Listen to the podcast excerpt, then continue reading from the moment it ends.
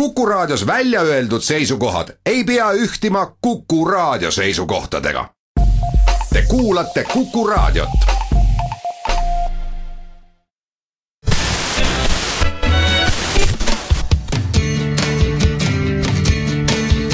Radio Talsinki.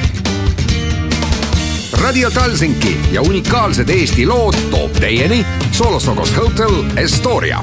Radio Talsinki Tervetuloa jälleen Radio Talsinki-ohjelman pariin ja Kukkuradion aalloille. Meillä on vähän itsellä lähetin ongelmia huomenna tiistaina. Sitten saadaan taas meidän, meidän omat lähetykset siellä varmastikin alkamaan, kun saapuu meidän teknikko tänne, tänne tuota paikan päälle, mutta tällaisia sattuisi, sille ei mitään voi. Joo, ei tämä tuo kumme, kummempaa. Siellä oli Espanjassa Ukkonen kerran kanssa öö, radiofinlandia.netin vaientanut, että näitä sattuu. Näitä sattuu ja niille ei mitään voida ja, ja tota, niinpä meidän teknikko tosiaan jo matkalla Tallinnaan. Joo, tulee tiistaina on ongelma korjata. Niin, näin se on. Lähdetään liikkeelle tuosta virolaiskolmosista tekevät olympiahistoriaa ja Leila, Liina ja Lily Luik osallistuvat tänään naisten maratonille. Itse asiassa maratoni on jo ohi. Me odotellaan tuossa tietoja, että miten siinä, miten siinä kävi sitten loppujen lopuksi. Joo, ensimmäistä kertaa tosiaan olympiahistoriassa niin kolmoset kilpailee samassa, samassa kilp- lajissa ja samassa kilpailussa. Joo, joo, ja hieno, hieno homma, että ovat saaneet medianäkyvyyttä. Yli 50 ulkomaisesta mediasta on haluttu haastattelu. Joo, siellä kun, vaikka ei tota, ole odotettavissa mitään huipputuloksia, niin silti on media ollut todella kiinnostunut. Ja, ja tota, niin, tosiaan 50 eri maata haluaa heitä tota, lehdistötilaisuudessa tulla kuuntelemaan. Joo, tässä sanotaan myöskin, että koskaan aikaisemmin kiinnostus virolaisia urheilijoita kohtaan ei ole ollut näin suurta. Ja kyllähän nämä tytöt niin samannäköisiä kaikki on. No niinhän ne on, mä jotakin aikaisemmin artikkeleita luin, niin jotain ihan luomi, luomi löytyy joltain, niin pystyy tunnistamaan siitä äiti. ilmeisesti päin ja sanoi, että kyllähän luonteesta vähän, vähän näkee kanssa. Että tota, mutta muuten ovat samannäköisiä ja hän sanoo kilpailevansa nyt toisia vastaan siellä, siellä maratonilla. Niin, varmasti. Ja aika tota, noin, kiinnostavaa nähdä, että miten, miten siinä sitten käy, kuka on paras ja, ja kuka on sitten huonoin. Kohtaahan me se tiedetään tässä mm. lähetyksen aikana tosiaankin. Tuo ääniteknikko me hakee sieltä, että miten siinä sitten oikein kävi. Joo, ja tota, hän ovat auttaneet toisia opiskelussa, siitäkin mä luin.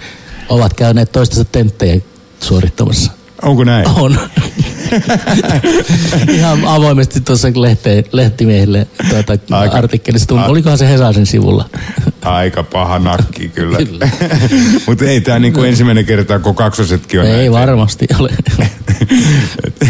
Sitten tuota, kiekosta jäi, jäi Viro harmittavan vähän, vähän tuota neljäs sija ja viimeinen kierros oli tosi jännittävä siellä, mm. siellä tuota, tosiaankin. Ja, ja Kanter jäi sitten vielä, vielä tuota, viidenneksi minun mielestäni. Minä en sitä ollut tilaisuudessa seuratakaan. En Joo, tiedä.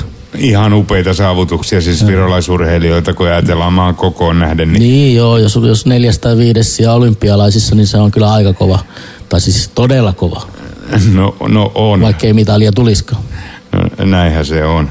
Eli kyllä, mutta harmittavaa on se, että viimeisellä kierroksella vielä oli virolainen kiekoheittäjä tuota, hopeamitalissa Joo. kiinni. No näin usein käy näissä kisoissa, että se viimeinen heittokin saattaa ratkaista sitten. Ei voi mitään. Ei voi mitään ja pituushypyssä oli myöskin mielenkiintoinen tilanne, kun kaveri hyppäsi joku 8.30, mutta sormi raapasi santaa, niin siihen menikin sitten johonkin se, tuota, 7, 70 se hyppy ja siihen olympiakulta valui siihen sormeen. Voi hyvänä aika Mm, liian rento. Miele, mutta mielenkiintoisia. Kyllä. Siis tämmönen, se on dramatiikkaa täynnä tuo mm. urheilu ja mm, minun mielestäni se tekeekin siitä mielenkiintoisen, mielenkiintoisen Kyllä. jutun. Mutta pistetään tähän alkuun hieno piisi. Kaikista kasvoista tuli sellainen piisi mieleen, kun noita kolmia, kolmea, kolmia kasvoja tuossa mm. Kats, kasvoja katsoa. Täytyy vielä muuten ennen tätä biisiä sanoa, että nämä tytöt on tosi fiksuja siinä haastattelussa. Joo, kyllä. Ja tosi upea mainosta Joo. Virolle, että se on, Se on ihan selvä asia. Se, se näistä kolmosista. Ja nyt Anna Erikssonia kaikista kasvoista.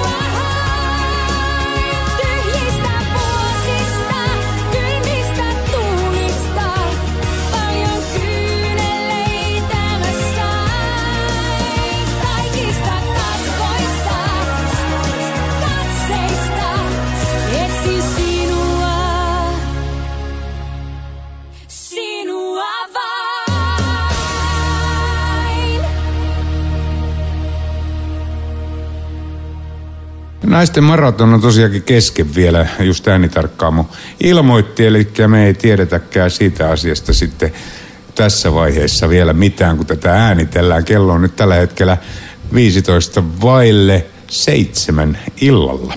Jep tätä ohjelmaa tässä tehdään. Seuraavaksi lähdetään Suomen suurlähetystön sivuille ja katsotaan, mitä täällä kirjoitellaan. Nimittäin hiljaiset ja vaaralliset Neuvostoviron todellisuudesta kertojat leimattiin Suomessa äärioikeistolaisiksi. Ja, ja tuota, sodan jälkeen oli tosiaankin näin, näin, näin että äärioikeistolaisuus ei ollut kovin populaarinen juttu. Ei ollut pop. No ei varmasti ole ollut on, on selvä asia. niin omalla isälläni oli siellä IKL-leimat sotilaspassissa ja niinpä hänellä oli toinen sotilaspassi myöskin, joka on minulla tällä hetkellä Tallinnassa. Eli ensimmäinen sotilaspassi, missä kerrottiin rehellisesti, missä on ollut ilmeisesti, ja toinen sotilaspassi, missä sitten ei ollut tätä IKL-leimaa, niin mitä et sä olisi saanut töitä mistä. Niin joo, se ratkaisi siihen aikaan kyllä paljon, että mitä, mitä edustit. Kyllä se aika pitkälle mm. näin oli, ja punainen valpoha oli myöskin maassa sisällä valvomassa. Niin, ja tämä komissio. Niin, valvontakomissio. Valvontakomissio, niin. Siellä ne istuskeri tor, tornissa, ja siitä ei ole kovin pitkä aika. No ei, ei sitä nyt ole, jos ajattelee taaksepäin, niin muutama kymmentä vuotta. Joo, täällä on nyt arvamusfestareilla tuolla Paidessa käsitelty näitä, näitä asioita ja Viron uudelleen itsenäistymisen 25 vuotta sitten oli vapaustaistelun voitto myös tuhansille suomalaisille, jotka olivat tempautuneet mukaan virolaisten rinnalle laulavaan vallankumoukseen. Paljon harvalukuisempi on se heimoveljen joukko, joka uskalsi pitää esillä Viron vapauden tahtoa, lippua ja todellisuutta vuosia ja vuosikymmeniä aiemmin avoimesti tai salaa ja se on ollut kova aikaa. Kyllä se on ollut ja sen ymmärtää, että tuota, varmasti siinä on, on pelätty, että mikä on, on Neuvostoliiton vastaus tällaiseen tuota, toimintaan ja näin ollen on pidetty kynttilää sitten noin suuressa määrin vakaa alla Suomessa. Täällä on kiinnostava juttu tosiaankin täällä Suomen suurlähetystön sivuilla ja mm, Facebook-sivuilla. Täällä sitten vielä jatkuu tämä juttu, että mitä tiedämme suomalaisista, jotka tukivat virolaisia Suomen vaikenevalla aikakaudella. Ja tiedän, että täällä on Tallinnan suomalaisissakin sellaisia kuin esimerkiksi lainas puhelimia hmm. ja, ja tuota, että saatiin liikenneyhteydet silloin kaikkein kriittisimmillä hetkillä toimimaan. Eli siellä oli paljon suomalaisia ja tämä lähihistoria on vielä sellainen, joka ei ole vielä avautunut kaikilta osilta. Joo, varmasti on ollut. En, en tiedä tarkkaan näitä asioita, mutta kyllähän suomalaisia paljon, tarkoitat varmaan nyt viimeistä itsenäistymistä. Kyllä. Mm, siellähän oli tietysti ihan avoimesti mu- suomalaiset muusikot ja kaikki mukana tässä, tässä tuota, tukemassa virolaisia tässä vaiheessa. No silloin oli tämmöinenkin juttu. Silloin kun oli tämä iso festari täällä, niin mm. niin eihän nämä suomalaiset muusikot edes ymmärtänyt, että mihin he osallistuu. tai se, se, silloin kun ne huusi siellä, että niin. esti vapaaksi, niin se, se on ollut sellaista hengenluontia ja niin. yhdessä olemista ja ja tota, kova juttu silloin aikana. Kyllä varmasti on ollut. tota, Mutta kyllähän Suomen kansa siis oli äh, Viron vapauden kannalla yksituumaisesti. No kyllä varmasti, mutta tietysti tuossa poliittisella tasolla niin siellä oltiin sitten vissiin vähän kieli keskellä suuta. Vähän liikaakin. Näin on. Ei oikein, oikein tota tullut tukea minun mielestä tänne sieltä. No ei tarpeeksi minun mielestäni.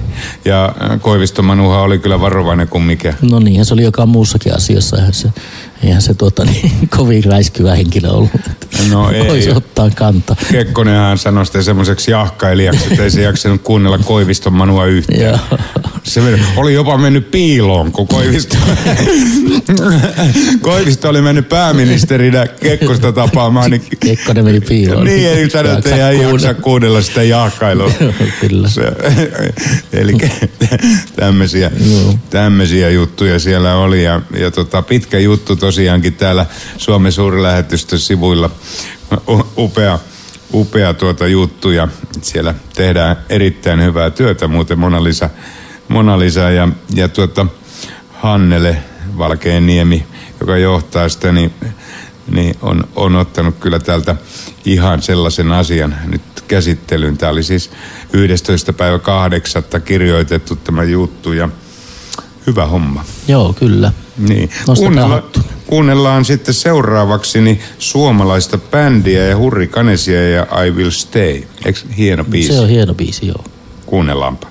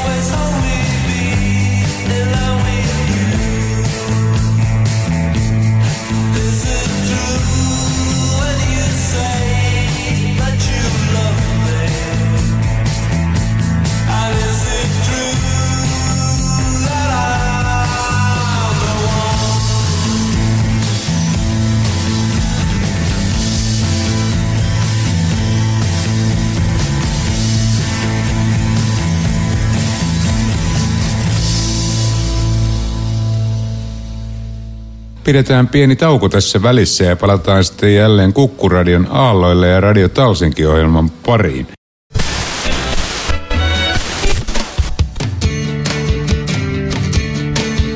Radio Talsinki.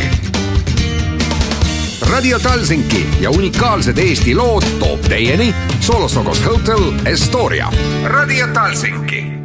Radio Talsinki-ohjelman parissa jatketaan ja Kukkuradion aalloilla. Seuraava aiheemme koskee äitiyspakkauksia. Tämä on kyllä ollut Suomelta ihan mahtava keksintö aikanaan. Kyllä, ja tuota, ihan nyt viime aikoina sitten ovat ruvenneet tuonne muihinkin maihin sitä kopioimaan tätä konseptia. Kyllä nyt... Kanadaa ja vaikka vai minnekä ne oli viime, viime ottanut käyttöön näitä. Niin ja sitten kun tämä on semmoinen, että tuosta laatikosta saa sitten sängynkin sille lapselle. Joo, se on ollut herättänyt jo, jossakin jopa hilpeyttä tuolla ulkomailla. Et näin käytetään Joo, mutta kaikki. sitä on käytetty myöskin on, paljon. On totta kai, kyllä mä muistan. Kolme semmoista on aikanaan saanut lapsilleni käyttöön. Niin, täällä tota, tämä on myöskin tämä juttu tuolta Suomen suurlähetystön sivuilta ja käsitellään tätä vähän vastasyntyneen perheelle rahaa vai äitiyspakkaus. Pohdinta on alkanut myös Virossa.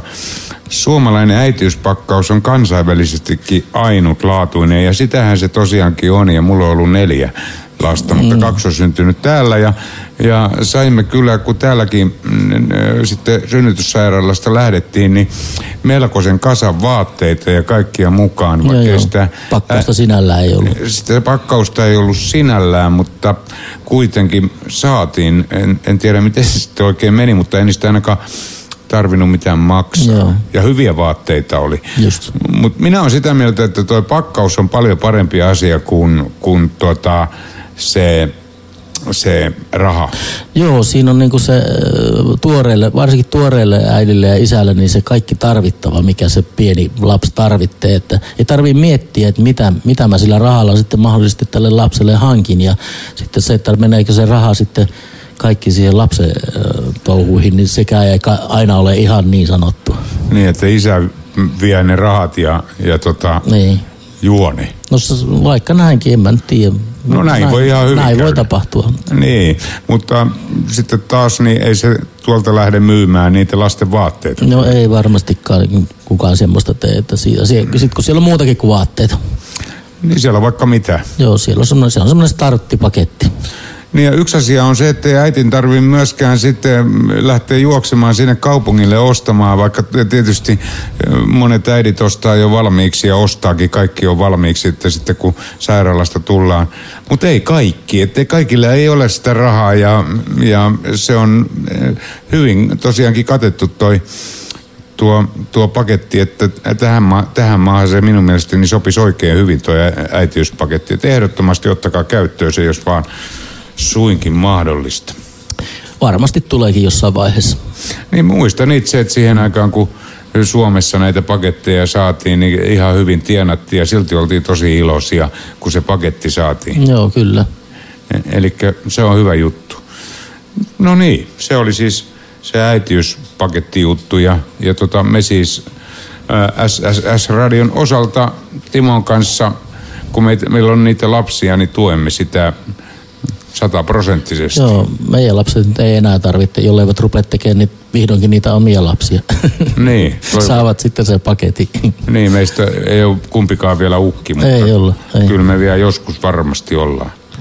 Niin, seuraava aihe otetaan käsittelyyn, mutta ennen sitä pistetään Rafaelin enkeli. Se on sen verran hieno biisi, että se soitetaan tähän väliin nyt.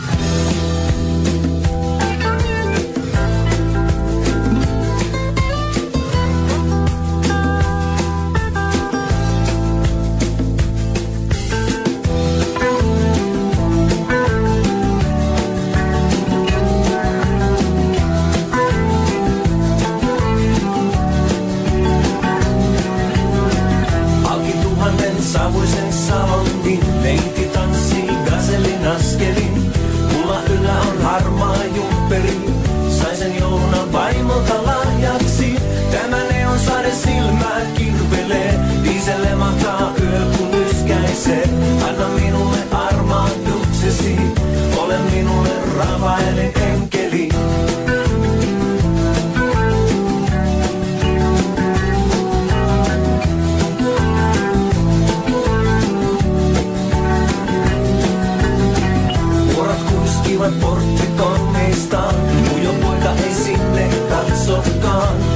Ne sirrosti niskoja nitsauttaa. Äiti neuvoi, että tuijottaa ei saa. Kurkku kipeänä aamuun ankeaan. Kuka käski mennä alasti nukkumaan?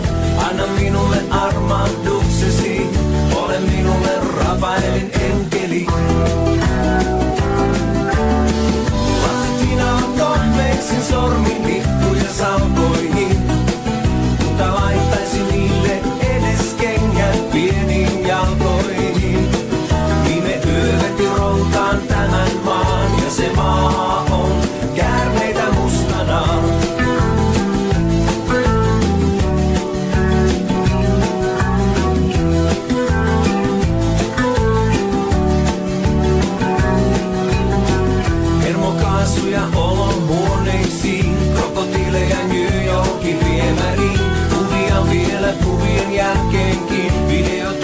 swole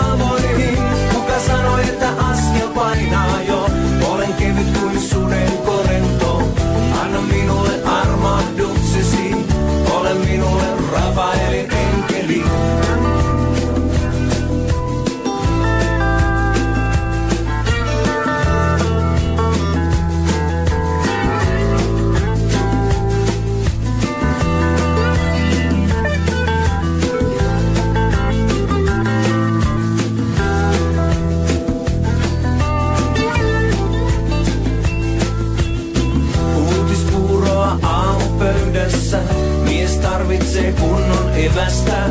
Kumpi voittaa karhu vai leijona?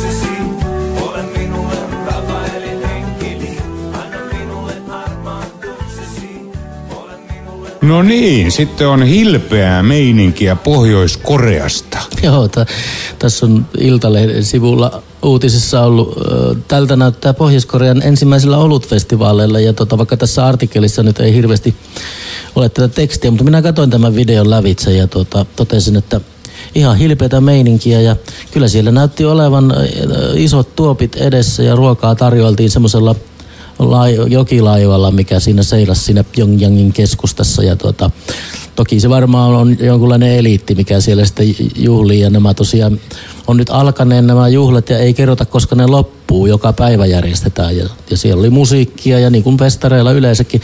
Toki se oli vähän niin kuin siltä näytti, että pikkasen oli niin kuin Saksassa, kun puut istutetaan, niin ne oli rivissä ja järjestyksessä porukat siellä. Mä katsoin, kun siellä oli tehty, tiedät, tota, Pohjois-Koreasta dokumentti, niin mä uskon, että tämä on kyllä niin kuvattu juttu ja Niin. tuopitkin rätäsiä välillä pois. Niin, siinä jutussa mitä sanottiin, että ruoka ja olut on ilmasta näille, jotka tulee sinne festareille. Siinä ne poikkeaa tuota täkäläisistä festareista, että ei, ei täällä ihan ilman anneta pois kaljaa ja ruokaa. niin, täällä tosiaankin sanotaan, että avajaisissa oli tarjolla ilmaista olutta ja esityksiä maan oman uutistoimisto CNAn mukaan olutfestivaalin on määrä jatkua toistaiseksi joka ilta. Siellä, nyt, se, nyt se maa kyllä romahtaa, niin se tulee kaikista ihan ö, alkkiksi, ja kun niillä on alettu juottaa kaljaa sinne. Meinaatko, että ne, ne, ne, tota, se eliitti, se 60-70 henkeä, kun on päässyt noihin kuvauksiin, niin niitä kannattaisi tuossa kuvausten aikana vetää sitä niin nopeasti kuin pystyy, niin, nimittäin mut... se tuoppi lähtee sen jälkeen, kun on saatu klippi teettyä, mä luulen. Voi olla, mutta jos ne nyt sattuisi, että ne saisi sitä enemmän, niin se elittihän siellä sitten kato sehän kaatuisi, niin sitten kansa pääsisi kauppaan valla. No täällähän kato tässä ensimmäisessä kuvassakin, niin kun katsoo tätä, niin siinä on, siinä on tota nämä neljä herraa ja juo tossa, mutta sitten tausta on ihan tyhjä, eli siellä ei näy sillä niin, tavalla kat- katsos, ei ketään, eli niin. E, niin kuin jossakin länsimaissa, niin siellä pitäisi olla hilpeitä jengiä niin, jonottamassa ravintola kyllä, sisään. Kyllä, niin, joo, joo. Ja, et, kyllä, et, kyllä ihan tässä... selvästi tämä on lavastettu, kyllähän sen näkee kaikesta. No kaikestahan sen se näkee. Teatteri. Niin. Tämä näkyy mainostavan maan suosituinta Taedongang olutta, tämä festari. Niin, kyllä sitä tietysti olisi mukava maistaa, että minkälaista se niin. pohjoiskorealainen on. Se ainakin ihan oluen väristä, että... Kyllä, se, en minä usko, että se nyt sen kummempaa on kuin ollut muuallakaan. Kyllähän joka paikassa tehdään olutta maailmassa. Mutta ei noin pöydän antimet nyt kovin hyvältä kyllä näytä. No Täytyy ei. sanoa, siellä on leipäkori ja, mm. ja jotakin sitten pienellä lautasella ja olisiko sitten sipulia siinä kanssa. Ja, Snackseja. Niin siinä on ne näksit ja sitten on tota, äh, vesiä täällä. Äh, mm. Mitäs ne vedet siinä tekee, jos olutta juodaan? en tiedä. No, olkoon miten on. No niin on. niin. Mutta, tota, niin, ei, jollakin tavalla. Ei musta maala tuota upeita festivaaleja, vaan, niin vaan annetaan niiden jatkua. Laitetaan sitä vastoin tuota Anneli Sari. Muistatko sellaisen laulaja? No kyllä muistan takuulla. Ja sitten on semmoinen juttu, että hän laulaa Edith Piafin Padam Padam okay. Savoi-teatterin lavalla. Ja tämä on kyllä niin hienosti esitetty biisi, Joo. että kuunnelkaapa, miten Anneli Sari tämän aikana... Se kyllä osasi sen ranskan, ranskalaisen Jean-Jeanin tulkita ja hän asukin Ranskassa pitkä aika Pariisissa. Kyllä, Enkä kyllä. Asuuko tänäkin päivänä vai miten hänen kohtalonsa on ollut, en tiedä.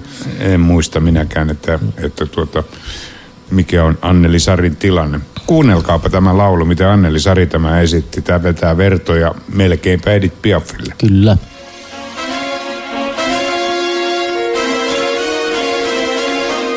C'est Obséder qui m'obsède sur elle.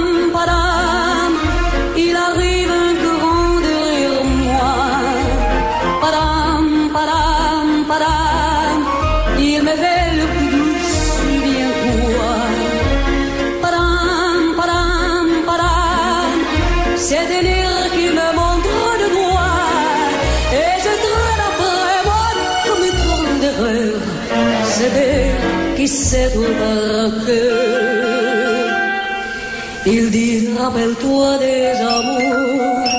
Rappelle-toi puisque c'est tour.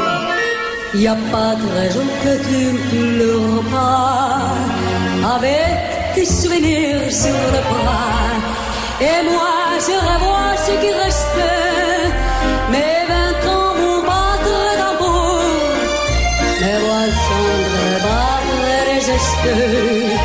Toute la comédie des amours sur cette terre qui va toujours.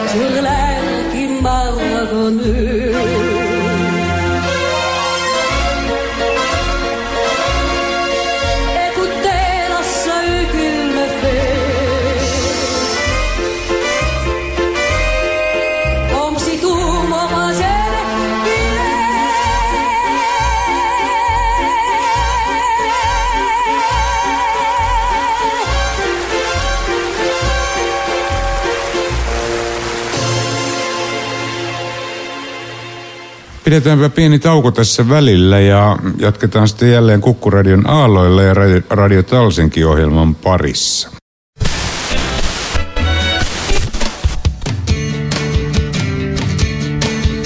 Radio Talsinki. Radio Talsinki ja unikaalsed Eesti lood toob teieni Solostokos Hotel Estoria. Radio Talsinki.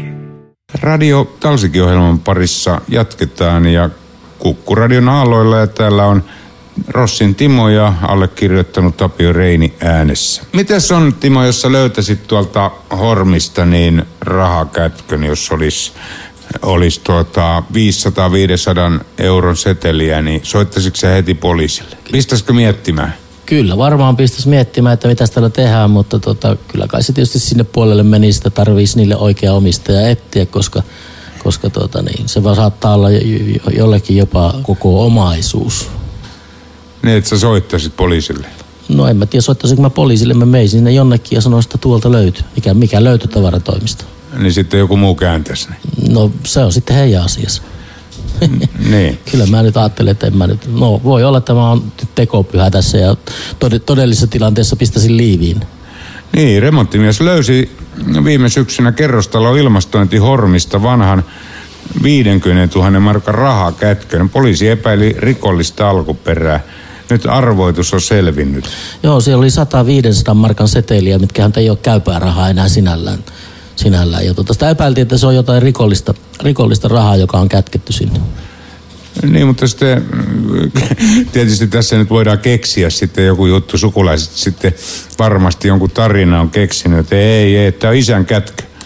No näinhän mäkin sitä luin, että siellä oli sitten sanottu, joo, että isällä oli tapana piilottaa rahoja ja just tämmöisiä kääryjä se teki ja sitten, tai iso, iso isä ja sitten tämä näiden mm, sisarusten isä oli koittanut myös etsiä sitä, mutta ei ollut löytänyt, kun iso isä oli sanonut, että raha on kätkössä jossain, että en tiedä, Minä en usko tätä. etkö usko? En, minä olen sen verran skeptinen tässä Okei. asiassa nyt.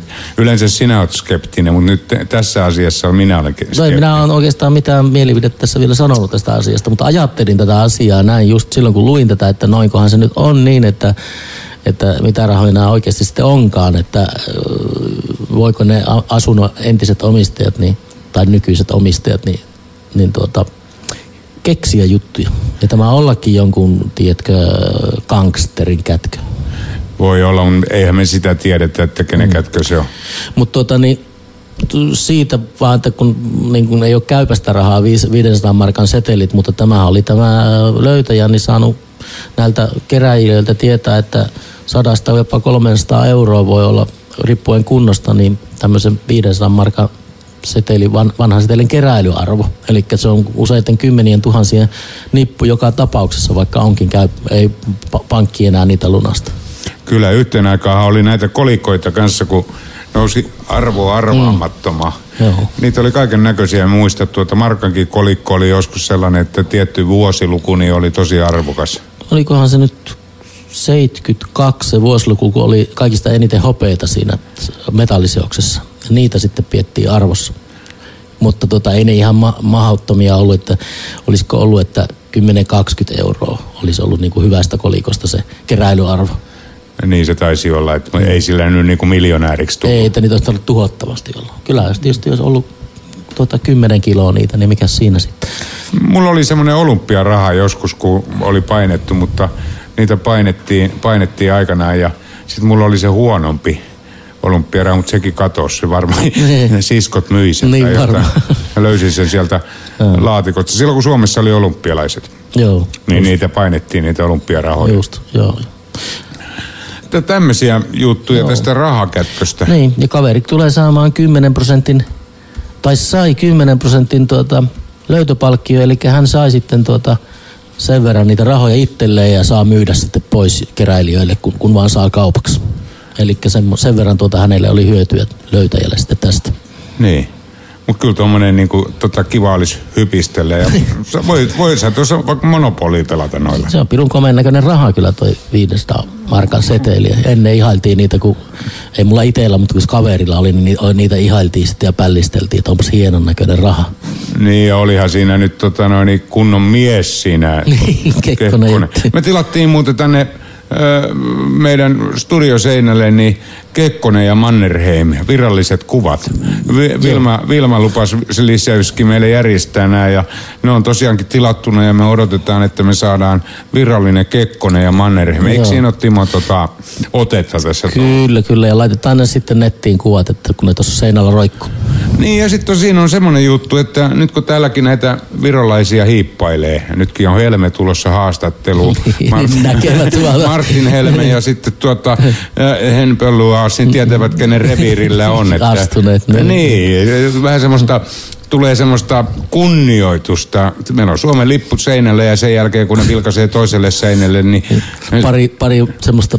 Niin, vähän semmoista tulee semmoista kunnioitusta. Meillä on Suomen lippu seinällä ja sen jälkeen kun ne vilkaisee toiselle seinälle, niin... Pari, pari semmoista melkoista valtion päämiestä. Niin, niin tietävät, että vähän tota nöyrempi ote silloin, kun kynnykseen yli astuvat. Joo. Näin se on, mutta laitetaan Cliftersin Anselika seuraavaksi soimaan ja sillä tavalla.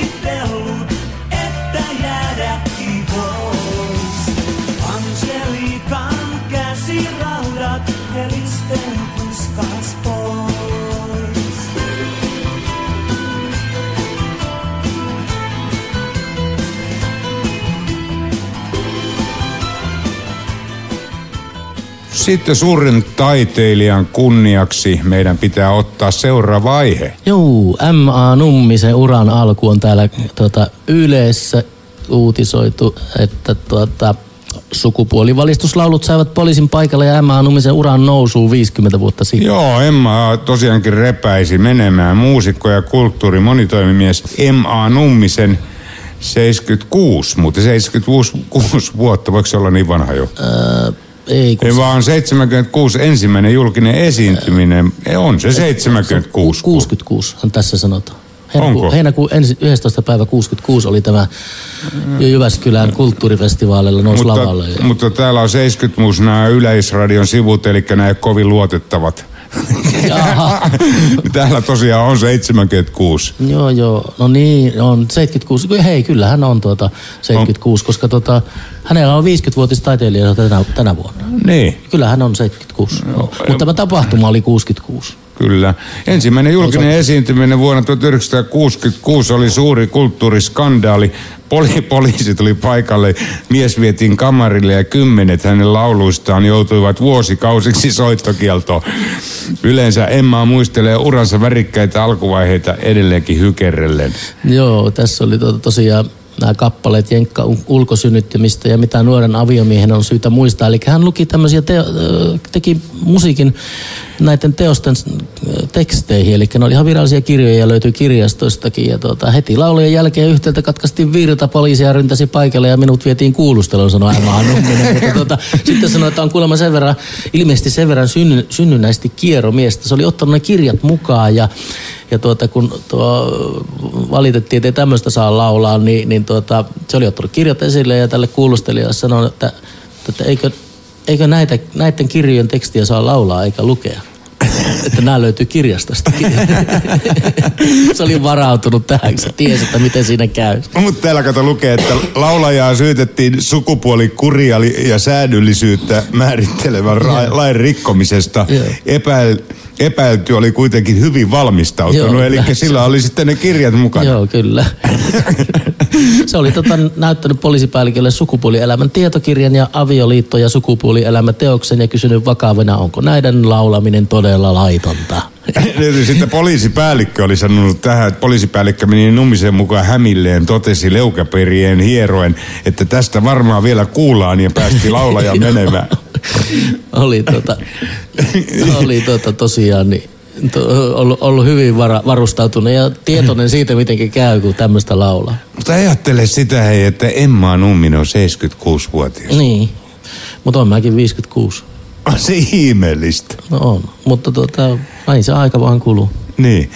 Me pistetään Emma Nummiselta näin Helkaneidin kylvyssä, joka on aivan upea Äh, upea biisi. Ja käykää lukema, lukemassa Yleisradio sivuilta tuota Emmaa Nummisesta pitkä juttu. Ja tällä kertaa Yleisradio oli ihan oikeassa tässä. Kyllä, me oltiin väärässä. Me oltiin väärässä. Okei, okay, kuunnellaan.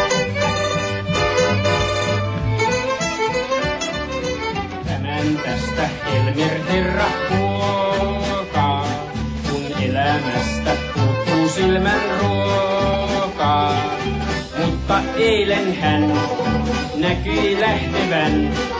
Ja pian kotiin hotellinsa kaupungilta rientävän hän hotellissaan väärän oven aukas. No jopa silloin henkeä hän haukas. Siellä Helgan neiti juuri istui ammeessa. Helme huusi autuassa Kurmiossa olen nähnyt Helgan neidin kylvyssä. Ihanaa, voi jopa nähdä kuinka pohje siellä vilahtaa. Kun joskus saippuaan hän luiskahtaa, niin näkyy häneltä melkeinpä. Ah olen nähnyt Helgan neidin kylvyssä ihanaa. Voi jopa nähdä kuinka pohje siellä vilahtaa. Vasta itseä, mitä miehenä, kun Helgan pohje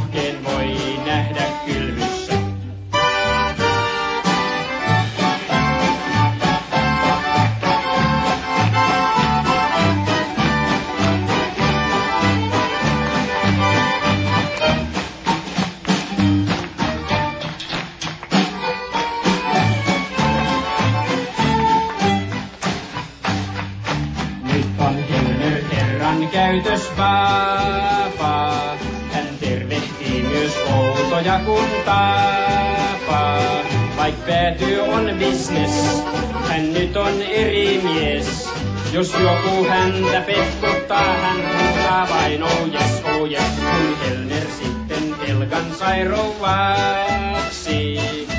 Poikka polkien muuttui paksummaksi. Ei enää kurki Helmer herra, kelkaa kylvystää vaan laulaa muistoissaan vanhan pianon ääressä. Olen nähnyt Helgan neidin ihanaa. Voi jopa nähdä, kuinka pohje siellä vilahtaa. Kun joskus saippuaan hän luiskahtaa, niin näkyy häneltä melkeinpä. Olen nähnyt helganneiden kylvyssä ihanaa. Voi jopa nähdä, kuinka pohje siellä vilahtaa. Vasta itseä pitämiehenä, kun helkan pohkeen voi nähdä kylvyssä. Aletaan lopettelemaan lähetystä ja viimeiseksi vielä tiedotetaan siitä asiasta, että 27. päivä kuluvaa herran vuotta pidetään rock- ja pop-ilta tuolla Alfredin pupissa ja pohjautuu suomalaiseen ja virolaiseen rockmusiikkiin ja toivotetaan kaikki sinne oikein tervetulleeksi. Siellä on viiden euron liput, jota sitten käytetään radion tukemiseen. Eli siellä on mukana myöskin Tallinna 24 ja Baltic Kuiden lehti, eli on saatu mediat hyvin, hyvin tuota, tähän tapahtumaan mukaan ja sinne voi siis marssia kuka vaan sitten sisälle ja tietoa löytyy meidän Facebook-sivuilta näistä asioista ja radion sivuilta myöskin. Näin on. Me sanotaan Timon kanssa, että iloisin kuulemiin ja näkemiin ja toivotaan, että siskokset tekee kolmoisvoito siellä maratonissa. Me ei tiedetä sitä tulosta tällä hetkellä, mutta me uskotaan siihen. Kyllä, ihan varmasti. Niin, hyvä Viro ja hyvä Suomi myöskin tietenkin. Moi moi. Moi vaan.